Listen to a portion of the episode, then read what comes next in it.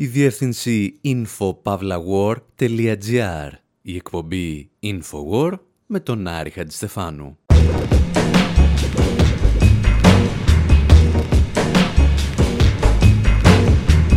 Όπου σήμερα βγάζουμε τη σφυρίχτρα μας και γινόμαστε πληροφοριοδότες, με την καλή την έννοια.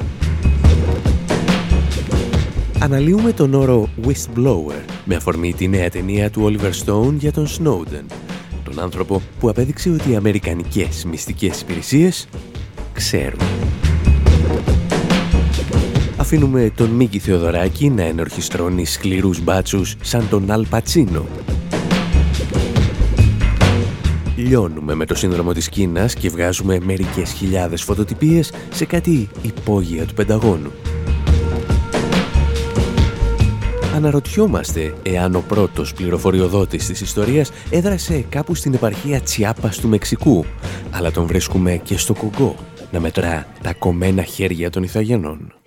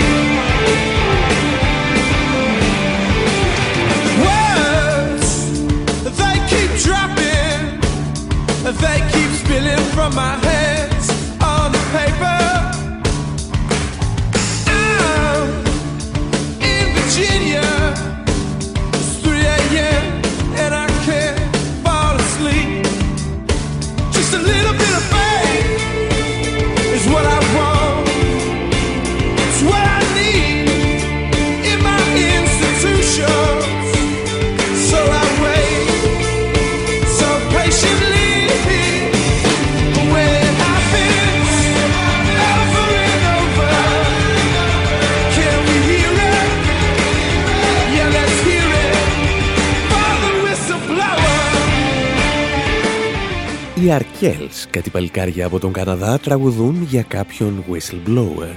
Στην ελληνική ατυχέστατη μετάφραση για έναν πληροφοριοδότη. Το πρόβλημα είναι ότι ο όρος whistleblower, δηλαδή αυτός που φυσάει τη σφυρίχτρα, χρησιμοποιείται σήμερα ακριβώς για να αποφεύγεται ο όρος πληροφοριοδότης, πιο συγκεκριμένα το snitch, που σημαίνει καταδότης, καρφί ή ρουφιάνος. Ο άνθρωπος που φέρεται να έδωσε το σημερινό νόημα στη λέξη whistleblower ήταν ο Αμερικανός ακτιβιστής και πολιτικός Ralph Nader.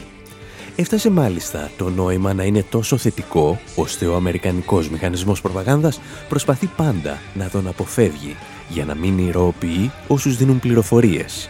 Αυτούς που αποκαλύπτουν τα εγκλήματα της Αμερικανικής κυβέρνησης, των υπηρεσιών της ή ιδιωτικών εταιριών. Και αυτό ακριβώς προσπαθούν να κάνουν τις τελευταίες ημέρες και για την περίπτωση του Edward Snowden. Ο Αμερικανός πρόεδρος κατέστησε σαφές ότι δεν πρόκειται να προσφέρει χάρη στον Snowden και αυτό λίγες μόλις ημέρες πριν κυκλοφορήσει η νέα ταινία του Oliver Stone για το θέμα.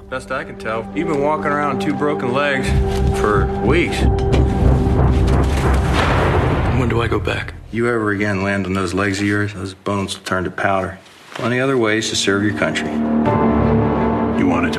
Η ταινία περιγράφει τη ζωή του θρηλυκότερου whistleblower της εποχής μας. Κυρίως όμως διηγείται την μεταστροφή ενός ανθρώπου που ξεκίνησε σαν πιόνι του Αμερικανικού κράτους θέλοντας να υπηρετήσει στις ειδικές δυνάμεις και κατέληξε να αποτελεί τον μεγαλύτερο εχθρό για το βαθύ κράτος των Ηνωμένων Πολιτειών. Τα εξηγούσε ο ίδιος ο Oliver Stone μιλώντας στο Democracy Now!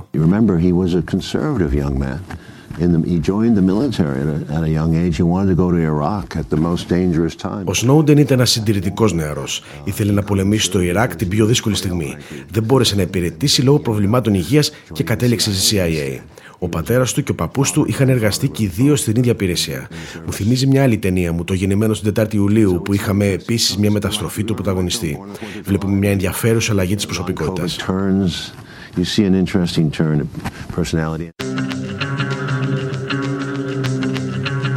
Αυτό ακριβώς το στοιχείο, ένας άνθρωπος δηλαδή που ξεγυμνώνει ένα σύστημα το οποίο ο ίδιος υπηρετούσε, είναι το βασικό χαρακτηριστικό κάθε εσωτερικού πληροφοριοδότη. Και για να καταλάβετε τι ακριβώς εννοούμε, θα πρέπει να σας γνωρίσουμε ίσως τον πρώτο whistleblower της ιστορίας, ταξιδεύοντας μαζί σας μέχρι το Μεξικό.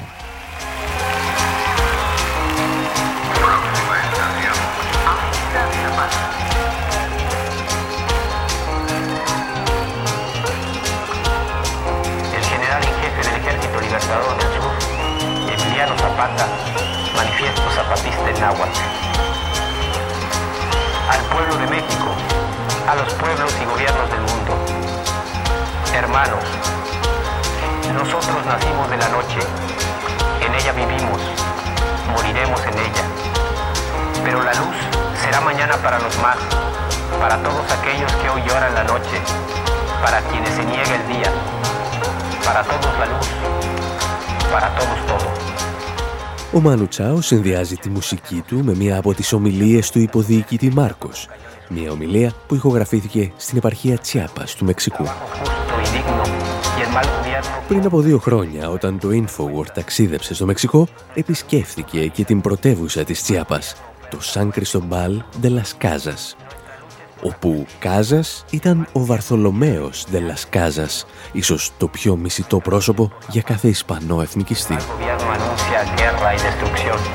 Ο Βαρθολομέος Ντελασκάζας ήταν ένας από τους πρώτους Ισπανούς που πάτησαν το πόδι τους στην Αμερική και αρχικά συμμετείχε ή τουλάχιστον έκανε τα στραβά μάτια στη σφαγή των Ιθαγενών. Όταν όμως συνειδητοποίησε το μέγεθος της φρικαλαιότητας, αφιέρωσε τη ζωή του στο να αποκαλύπτει τα εγκλήματα των Ισπανών. Το καλό με τις γενοκτονίες εκείνα τα χρόνια, τουλάχιστον από την πλευρά των γενοκτώνων, ήταν ότι μπορούσες να εξολοθρεύσεις έναν ολόκληρο πληθυσμό και κανείς να μην μάθει τίποτα. Όχι δηλαδή όπως σήμερα που δολοφονούν 4-5 παιδάκια στην Παλαιστίνη και αρχίζουν όλοι και φωνάζουν. Ο Βαρθολομέος Ντελασκάζας άλλαξε αυτή την εικόνα φέρνοντας στο φως πτυχές της φρίκης που επέβαλαν οι Ισπανοί στην περιοχή. Η λύση βέβαια που αντιπρότεινε ήταν να αφήσουν ήσυχους τους Ινδιάνους και να εισάγουν σκλάβους από την Αφρική. Και εξαιτίας του ξεκίνησε η μεταφορά ανθρώπων από τη μία απικιακή κτήση στην άλλη. Το ενδιαφέρον στην ιστορία μας όμως είναι ότι το επίσημο Ισπανικό κράτος για αρκετούς αιώνες αντιμετώπιζε τον Βαρθολομαίο όπως αντιμετωπίζουν οι Ηνωμένες Πολιτείες τον Σνόουντεν, σαν εχθρό της πατρίδας και κίνδυνο για την εθνική ασφάλεια. Για την ιστορία, να σας πούμε εδώ ότι ο Βαρθολομαίος σπούδασε στο ίδιο πανεπιστήμιο με τον Χερμάν Κορτέζ και ταξίδευσαν μαζί μέχρι την Αμερική. Ο ένας έγινε ο πρώτος whistleblower της ιστορίας και ο δεύτερος ένας από τους μεγαλύτερους φωνιάδες της ανθρωπότητας. Cortez the Killer, όπως έλεγε και ο Νίλ Young.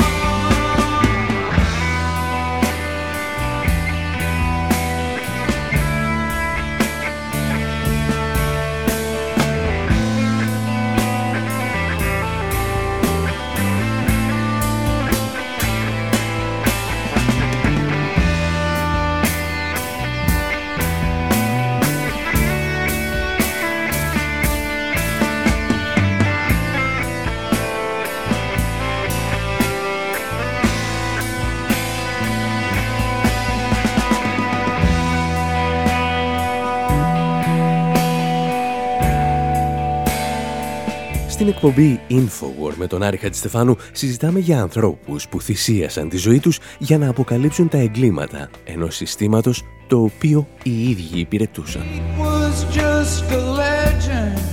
Είδαμε τον Βαρθολομαίο Ντελασκάζας να αποκαλύπτει τη γενοκτονία των Ιθαγενών στο Μεξικό και έχει έρθει η στιγμή να περάσουμε στον δεύτερο μεγαλύτερο whistleblower ή, σύμφωνα με μια καλύτερη απόδοση, πληροφοριοδότη δημόσιου συμφέροντος.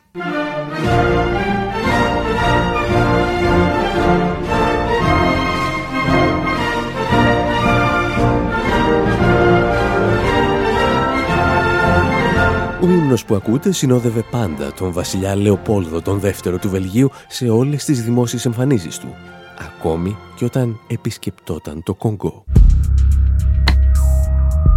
Το Κονγκό αποτέλεσε ένα είδος ιδιωτικής απικίας του Λεοπόλδου, ο οποίος ασκούσε τον έλεγχο μέσω μιας εταιρείας που είχε δημιουργήσει το παλάτι. Ο Λεοπόλδος ήταν επίσης και μάγος της δημόσιας σχέσης. Παρουσίασε την εταιρεία του σαν φιλανθρωπική οργάνωση και ανέθεσε στο διάσημο εξερευνητή Χένρι Στάνλεϊ να οργανώσει την απικία. Ήταν ίσως η πρώτη μη κυβερνητική οργάνωση στην ιστορία με αρμοδιότητα να καταλάβει μια ολόκληρη χώρα. Με μερικές πιέσεις και λίγη καλή τύχη, ο Λεοπόλδος έπεισε και τις άλλες ευρωπαϊκές δυνάμεις, αλλά και τις Ηνωμένες Πολιτείες, να αναγνωρίσουν τις κτίσεις του. Και τότε, με τις ευλογίες της διεθνούς κοινότητας, ξεκίνησε μία από τις μεγαλύτερες γενοκτονίες στην ανθρώπινη ιστορία. Αρχικά πίστευε ότι θα γίνει πλούσιος από το εμπόριο ελεφαντόδοντου. Γρήγορα όμως διαπίστωσε ότι τα λεφτά βρίσκονταν στο καουτσούκ. Οι δυνάμεις του Λεοπόλδου λοιπόν πήγαιναν στα χωριά, απήγαγαν όλες τις γυναίκες και ανάγκαζαν τους άνδρες και τα παιδιά να συλλέγουν καουτσούκ. Και για όσους δεν έφερναν τις απαιτούμενες ποσότητες, η τιμωρία ήταν φρικιαστική. Τα εξηγούσε παλαιότερα ντοκιμαντέρ του BBC. Προκειμένου να εξασφαλίσει την κυριαρχία στις κτίσεις του, ο Λεοπόλδος κατέφυγε σε ακραίες μορφές βίας. Σε όσους δεν κατάφεραν να συλλέγουν την απαιτούμενη ποσότητα καουτσούκ, τους έκοβε το δεξί χέρι, ακόμα και αν ήταν ανήλικα παιδιά. Το 1896, μια γερμανική εφημερίδα ανέφερε ότι μέσα σε μία ημέρα κόπηκαν 1308 χέρια. Ο Λεοπόλδος δημιούργησε ένα στρατό 90.000 ανθρώπων για να επιβάλλει την κυριαρχία του. Και ένας από τους αξιωματικούς του έγραψε τότε «Μόνο το μαστίγιο μπορεί να εκπολιτήσει τους μαύρους». Όλο το εργατικό δυναμικό της χώρας, δηλαδή οι σκλάβοι που είχαν ακόμη δύο χέρια, μάζευαν μόνο καουτσούκ. Γεγονός που μεταξύ άλλων διέλυσε την γεωργία και την κτηνοτροφία στο κέντρο της Αφρικανικής Υπήρου. Μόνο που οι Βέλγοι απεικιοκράτες έκαναν ένα μικρό λάθος. Έκοψαν τόσα πολλά χέρια παιδιών και εκτέλεσαν τόσους πολλούς σκλάβους, ώστε παρατηρήθηκαν ελλείψεις εργατικού δυναμικού. Γιατί ως γνωστόν, αν έχεις ένα χέρι ή πολύ περισσότερο εάν είσαι νεκρός, η παραγωγικότητά σου μειώνεται αισθητά. Και τότε, στις αρχές του 20ου αιώνα, η κυβέρνηση του Βελγίου αποφάσισε να παρέμβει, φορώντας το ανθρωπιστικό της προσωπείο. Τα εξηγούσε ο ιστορικός Άνταμ Χότσελ μιλώντας στο BBC. The forced labor system did not come to an end because it was so profitable. The new Belgian Congo continued it. Η νέα κυβέρνηση του Βελγίου διατήρησε το καθεστώς σκλαβιά μέχρι τη δεκαετία του 20 γιατί ήταν εξαιρετικά προσοδοφόρο. Τότε οι Βέλγοι αξιωματούχοι στο Κονγκό διαπίστωσαν ότι ο πληθυσμός μειωνόταν με τόσο γρήγορο ρυθμό λόγω των συνθηκών σκλαβιά, οπότε έπρεπε να αλλάξουν τις μεθόδους που χρησιμοποιούσαν. Διαφορετικά δεν θα είχαν εργατικό δυναμικό. Ποιώντα λοιπόν την ανάγκη φιλοτιμίας, η κυβέρνηση του Βελγίου αναγκάζεται να βελτιώσει λίγο τις συνθήκες εργασίας των σκλάβων. Ο νέος βασιλιάς επισκέπτεται το Κονγκό στα τέλη της δεκαετίας του 20 για να δείξει το νέο προσωπείο της βελγικής απεικιοκρατίας. Η πτώση της παραγωγικότητας από τα κομμένα χέρια των σκλάβων δεν ήταν όμως ο μοναδικός λόγος για τον οποίο το Βέλγιο αποφάσισε να αλλάξει τη στάση του. Ένας Βρετανός δημοσιογράφος, ο Edmund Dean Morel, είχε αφιερώσει τη ζωή του στο να αποκαλύπτει τη γενοκτονία που πραγματοποιούσε το Βέλγιο στο Κονγκό. Σε αυτή του την επιτυχημένη προσπάθεια, ο Μόρελ είχε στο πλευρό του ορισμένες από τις πιο δυνατές πένες της εποχής του. Συγγραφείς όπως ο Μαρκ Τουέιν, ο Άρθουρ Κόναν Ντόιλ, ο Άνατολ Φρανς και φυσικά ο Τζόζεφ Κόνραντ. Για την ακρίβεια, ο τελευταίος εμπνεύστηκε από τη γενοκτονία το βιβλίο του «Η καρδιά του σκότους», που στη συνέχεια ενέπνευσε τον Κόπολα να γυρίσει το αποκάλυψη τώρα. Και μιας και μπήκαμε στα χωράφια του κινηματογράφου, έχουμε μερικές ακόμη ιστορίες για να σας διηγηθούμε στο δεύτερο μέρος για whistleblowers που έγιναν ταινία. Μέχρι τότε να θυμάστε ότι μας βρίσκεται πάντα στο ανανεωμένο info.pavlawar.gr για το οποίο θα θέλαμε πολύ να ακούσουμε τα σχόλια και τις επισημάνσεις σας.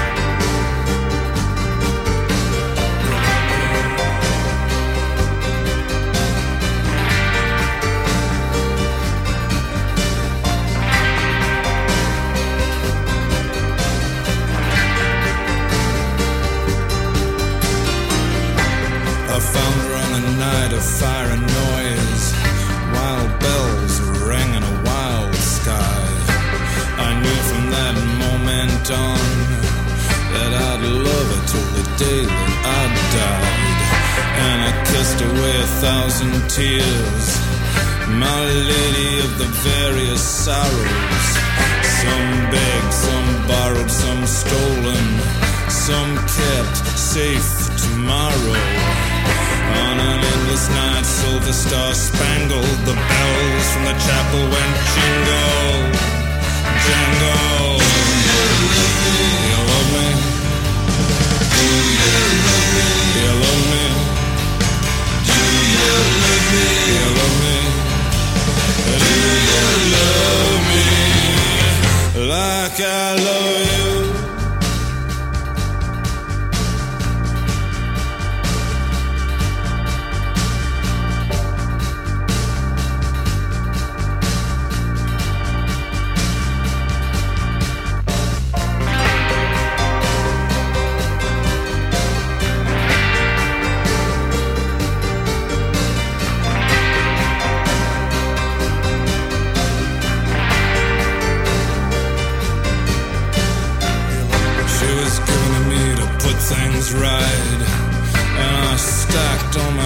beside her. Yet I seem so obsolete and small. I found God and all his devils inside her. In my bed, she cast the blizzard out. Mock sun blazed upon her head. They're so completely filled with light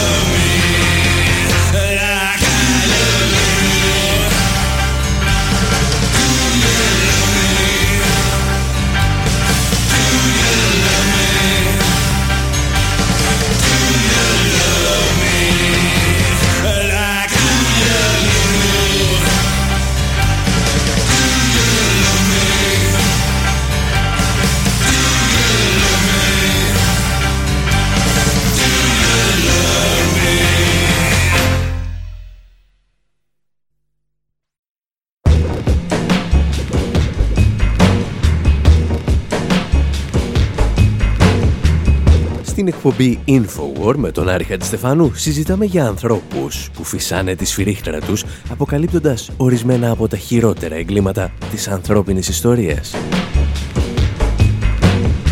Και πάντα, όπως στην περίπτωση του Σνόουντεν, μας προκαλούσε μεγαλύτερο ενδιαφέρον η ιστορία των ανθρώπων που αποτελούσαν τμήμα ενός συστήματος, το οποίο στη συνέχεια αποφάσισαν να αποκηρύξουν.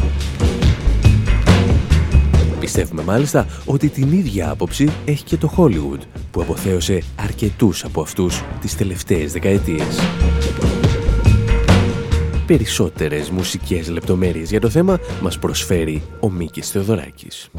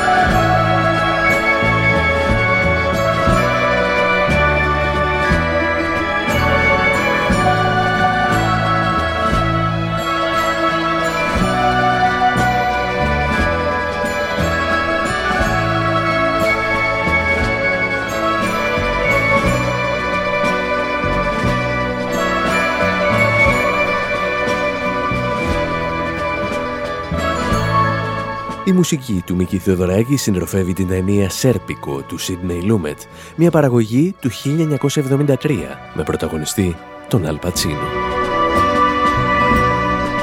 Η ταινία καταγράφει την αληθινή ιστορία του Φρανκ Σέρπικο, αξιωματικού στην αστυνομία της Νέας Υόρκης, ο οποίος ένα ωραίο πρωινό αποφάσισε να τα τινάξει όλα στον αέρα. Ο Σέρπικο άνοιξε το στόμα του σε δημοσιογράφους στο New York Times και αποκάλυψε τη βαριά διαφθορά που επικρατούσε στα αστυνομικά τμήματα της Νέας Υόρκης.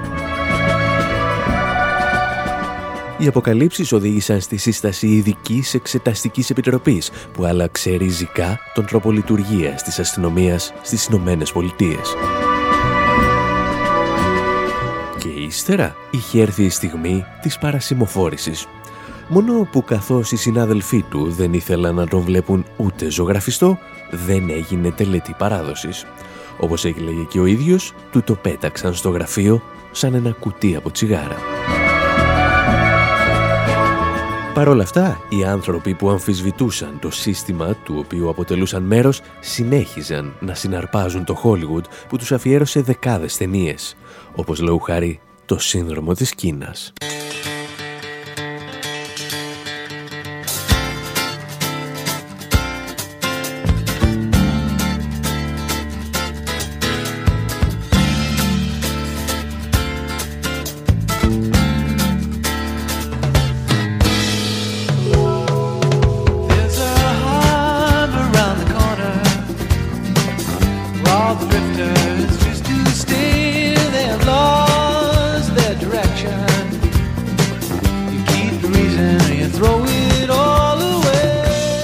Σύνδρομο της Κίνας, από όπου και το μουσικό θέμα που ακούμε, περιέγραφε τους κινδύνους ενός πυρηνικού ατυχήματος σε αμερικανικές εγκαταστάσεις.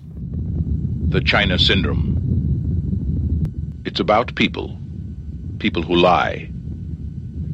And people faced with the agony. Για άλλη μια φορά, η ταινία πατάει βαριά στην πραγματικότητα, αφού περιγράφει την ιστορία τριών υψηλόβαθμων υπαλλήλων της General Electric, οι οποίοι παρετήθηκαν καταγγέλλοντας την Αμερικανική βιομηχανία πυρηνικής ενέργειας. Μια ιστορία που επαναλαμβάνεται σε νεότερες παραγωγές, όπως εδώ, στο Insider, με τον Russell Crowe και τον Al Pacino. The following is a sneak preview of the best reviewed film of the year. An insider ready to speak the truth. And I want to go on the record. A reporter who will help him reveal it. Ο Τζέφρι Wigand, η ιστορία του οποίου αποτυπώθηκε στην ταινία The Insider, ήταν αντιπρόεδρος στο τμήμα έρευνας και ανάπτυξης της καπνοβιομηχανίας Brown Williamson. Αυτός αποκάλυψε ότι η εταιρεία του αυξάνει την περιεκτικότητα νικοτίνης στα τσιγάρα της για να προκαλεί εθισμό στους αγοραστές. Does he go on television and tell the truth? Ελαφρώς πιο σύνθετη ήταν η περίπτωση του Mark Whiteacre, γνωστού από την ταινία The Informant με τον Matt Damon. The tapes for us when you're making them just not a problem. Once it starts, it is going to be intense. Uh, what is he doing? I told him the camera was in the lamp. No. No. How about this guy, Whitaker? The guy's making 350 grand a year and he turns informer. When does that happen? Αν και η ταινία είναι κομμωδία, διηγείται την αληθινή ιστορία ενός ανθρώπου που συνεργάστηκε με το FBI για να αποκαλύψει το σκάνδαλο χειραγώγησης μετοχών, στο οποίο εμπλεκόταν η εταιρεία Archer Daniels Midland. Το πρόβλημα ήταν ότι ο Mark Whiteacre δεν ήταν ένας απλός υπάλληλος της εταιρείας. Ήταν ο πρόεδρος του τομέα βιοτεχνολογίας. Και εκεί που νομίζεις ότι το Hollywood θα αποθεώσει οποιονδήποτε whistleblower τολμήσει να τα βάλει με το σύστημα, συνειδητοποιείς ότι ορισμένους τους έχουν ελαφρώς ρηγμένους ή ολοκληρωτικά ξεχασμένους. Αυτά όμως θα τα πούμε ύστερα από λίγο.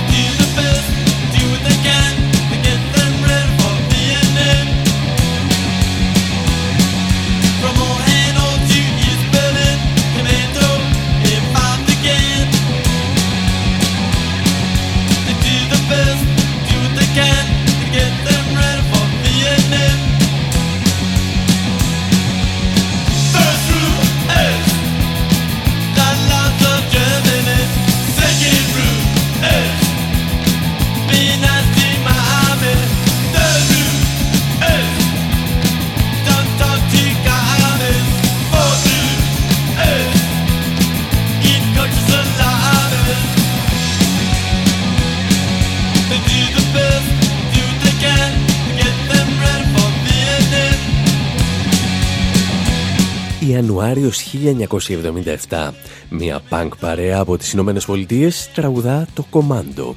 Τραγουδά για τον πόλεμο του Βιετνάμ που έχει τελειώσει μόλις δύο χρόνια νωρίτερα. Κάνουν ό,τι μπορούν για να τους προετοιμάσουν για το Βιετνάμ, τραγουδούν οι Ραμόνς. Και μερικοί από τους βασικούς κανόνες που πρέπει να μάθουν οι κομάντο είναι να είναι ευγενικοί με τη μαμά τους και να μην μιλάνε ποτέ σε κομμουνιστές. Ένας από τους κομάντο του Αμερικανικού στρατού που ανατράφηκε με αυτές ακριβώς τις αρχές για να πολεμήσει τον κομμουνισμό στο Βιετνάμ ήταν και ο Ντάνιελ Έλσμπεργκ. Ο Έλσμπεργκ δεν ήταν ένα από τα παιδιά των γκέτο που αναγκάστηκαν να καταταγούν στον Αμερικανικό στρατό γιατί δεν είχαν τίποτα να χάσουν. Ήταν πολιτικός αναλυτής και είχε ήδη εργαστεί σε υψηλόβαθμα πόστα ακόμη και δίπλα στον Υπουργό Άμυνας Ρόμπερτ Μακναμάρα. Επιστρέφοντας από το Βιετνάμ, θα εργαστεί στο RAND, ένα από τα σημαντικότερα ιδρύματα ερευνών του Αμερικανικού Πενταγώνου. Και εκεί θα μπορέσει να διαβάσει ένα από τα πλέον απόρριτα έγγραφα στη στρατιωτική ιστορία των Ηνωμένων Πολιτειών. Πρόκειται για μια έκθεση του Πενταγώνου που περιέγραφε την ιστορία της Αμερικανικής ανάμειξης στο Βιετνάμ από το 1945 μέχρι το 1967. Αρκετά χρόνια αργότερα, μιλώντας στο εξαιρετικό ντοκιμαντέρ «Ο πιο επικίνδυνος άνθρωπος στην Αμερική», ο Έλσμπεργκ θα εξηγήσει τι ακριβώς περιελάμβανε εκείνη η έκθεση για το Βιετνάμ και τι έλεγε κάθε ένας από τους Αμερικανούς προέδρους που είχαν εμπλακεί σε αυτή την ιστορία. Αυτό που έμαθα ήταν ότι ο πόλεμος ήταν αμερικανικός από την πρώτη στιγμή. Ο πρόεδρος Τρούμαν χρηματοδότησε τους Γάλλους για να ανακαταλάβουν την παλιά απικία τους. Και αυτό ενώ γνώριζε ότι οι Γάλλοι μάχονται ένα εθνικό μέτωπο το οποίο έχει λαϊκή στήριξη. Even though he knew the French were fighting a national movement that had the support of the people. The cost of defending freedom, of defending America must be paid in many forms and in many places. Eisenhower supported a brutal dictator in canceling elections. Ο Eisenhower στήριξε έναν αιμοσταγή δικτάτορα, ακυρώνοντας τις εκλογές που προβλέπονταν από τη συνθήκη της Γενέβης του 1954. Εμποδίζαμε τις εκλογές, ενώ προσποιούμασταν ότι στηρίζουμε τη δημοκρατία. So we opposed elections while pretending to support democracy. We are attempting to help Vietnam uh, maintain its independence and not fall under the domination of the communists.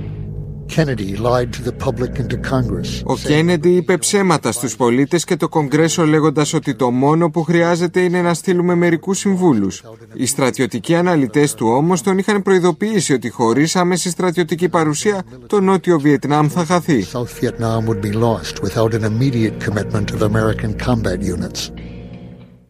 We still seek no wider war. I now saw that Johnson was continuing a pattern of presidential lying. Τώρα καταλάβαινα ότι ο Τζόνσον συνέχιζε τα ψέματα στο ίδιο μοτίβο. Κανένας πρόεδρος δεν ήθελε να στιγματιστεί ότι επί προεδρίας του έχασε την Ινδοκίνα από τους Κινέζους. Δεν βρισκόμασταν απλώς στη λάθος πλευρά. Εμείς ήμασταν η λάθος πλευρά. Αυτή η έκθεση αποδείκνυε ότι τέσσερις διαδοχικοί πρόεδροι διέπραταν το ίδιο έγκλημα. Και τώρα ένας πέμπτος θα έκανε το ίδιο. Οι εκατοντάδες χιλιάδες άνθρωποι που σκοτώναμε ήταν αδικαιολόγητη ανθρωποκτονία. Δεν μπορούσα να καταλάβω σε τι διέφερε από μια δολοφονία. Αυτός ο φόνος έπρεπε να σταματήσει. Murder had to be stopped.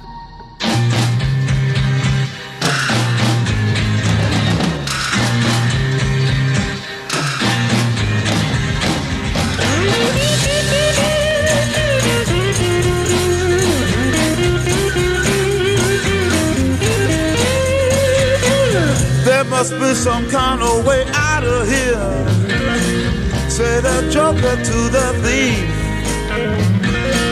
There's too much confusion. I can't get no relief. Μέσα από την απόρριτη έκθεση του Πενταγώνου, ο Έλσμπεργκ συνειδητοποιεί ότι δεν είναι ένας απλός αναλυτής των Αμερικανικών ενόπλων δυνάμεων.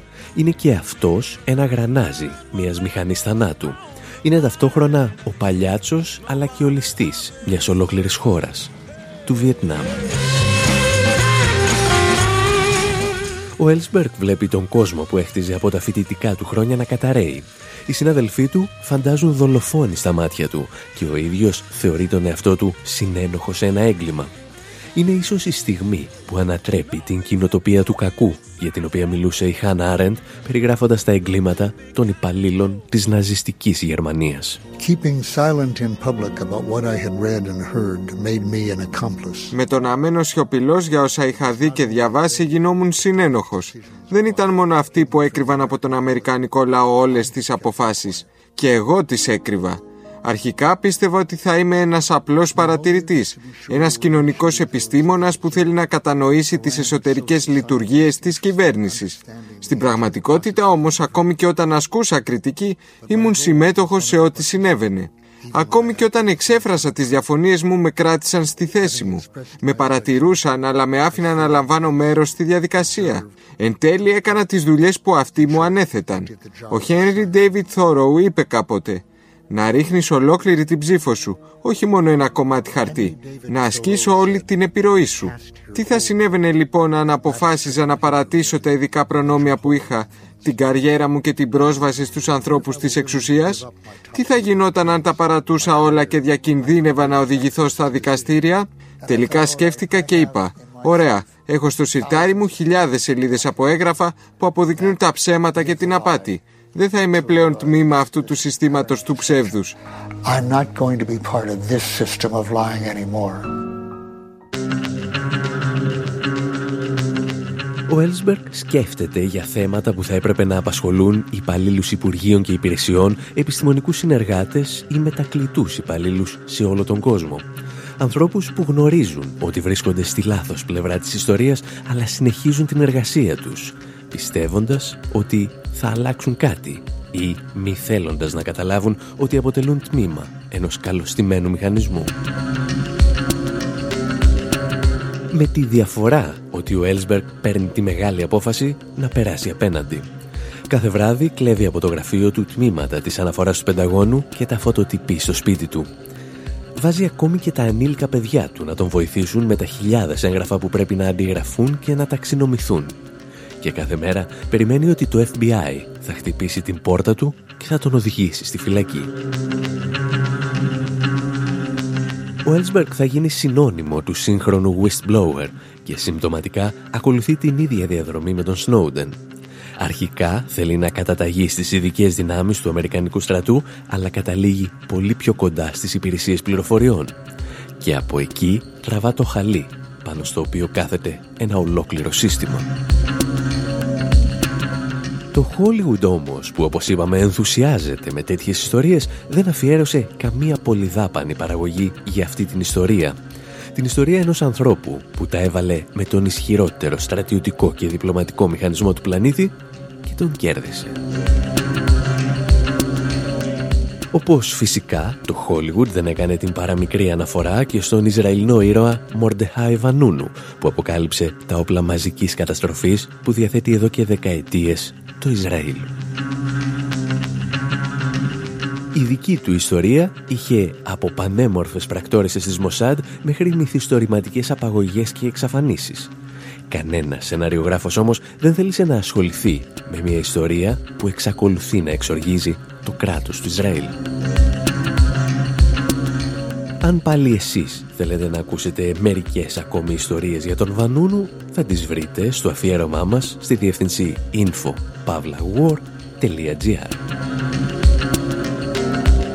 Μέχρι πάντως την επόμενη εβδομάδα, από τον Άρη Χατζηστεφάνου στο μικρόφωνο και τον Δημήτρη Σταθόπουλο στην τεχνική επιμέλεια, γεια σας και χαρά σας.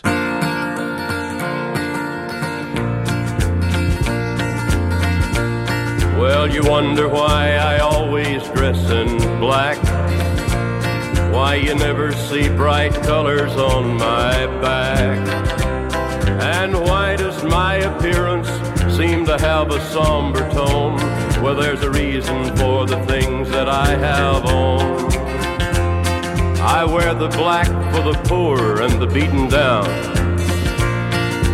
Living in the hopeless, hungry side of town. I wear it for the prisoner who has long paid for his crime, but is there because he's a victim of the times.